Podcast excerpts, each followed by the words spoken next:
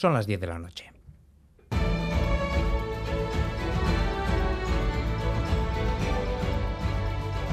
Radio Euskadi y Radio Vitoria. Servicios informativos.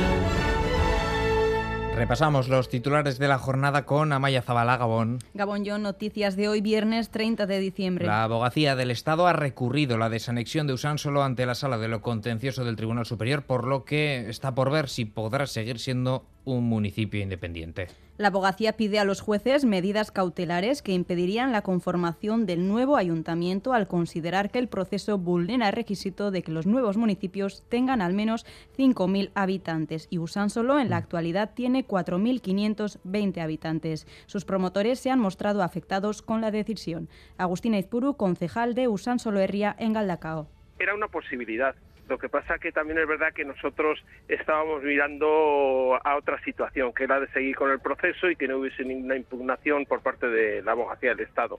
En este caso, de manera repentina, se nos ha dicho que ya está presentada y bueno, pues la hemos tomado de mala manera, como lógicamente os podéis imaginar. No es plato de buen gusto. En ningún caso eh, nos quedaremos quietos y presentaremos batalla. Solo si no es este año, el siguiente o el siguiente, un día será pueblo, eso desde luego. El juez ha enviado a prisión al asesino confeso de Rebeca Huaita. Ha ingresado en el centro penitenciario de Basauri.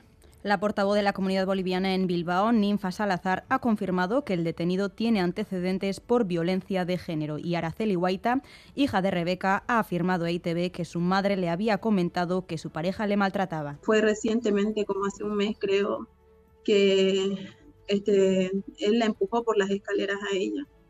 Él, la dejó inconsciente. Eso es lo que ella me contó.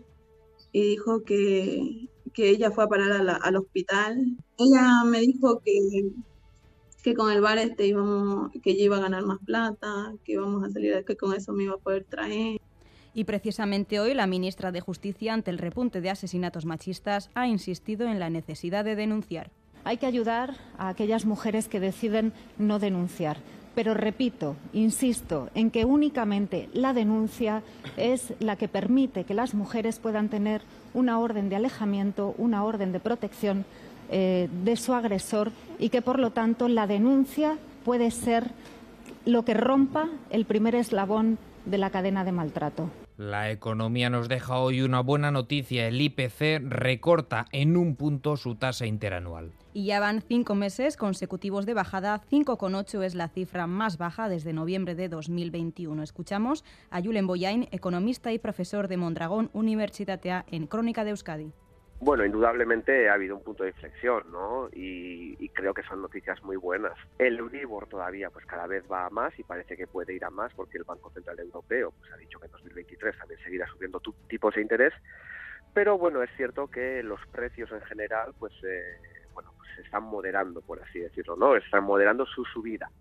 España se suma a la lista de países que impondrá controles a los viajeros procedentes de China ante el aumento de casos de coronavirus. Se les exigirá un test COVID negativo o la pauta completa de vacunación. La medida se pondrá en marcha antes del 8 de enero, cuando China eliminará el requisito de cuarentena para los viajeros que entren al país. Carolina Darias, ministra. La principal preocupación radica en la posibilidad de que puedan aparecer nuevas variantes en China no controladas hasta ahora o distintas de las existentes hasta ahora. Por eso, a nivel europeo, vamos a impulsar la necesidad de revisar la recomendación para solicitar el certificado COVID digital o equivalente a los viajeros procedentes de China como la mejor garantía de seguridad para todos.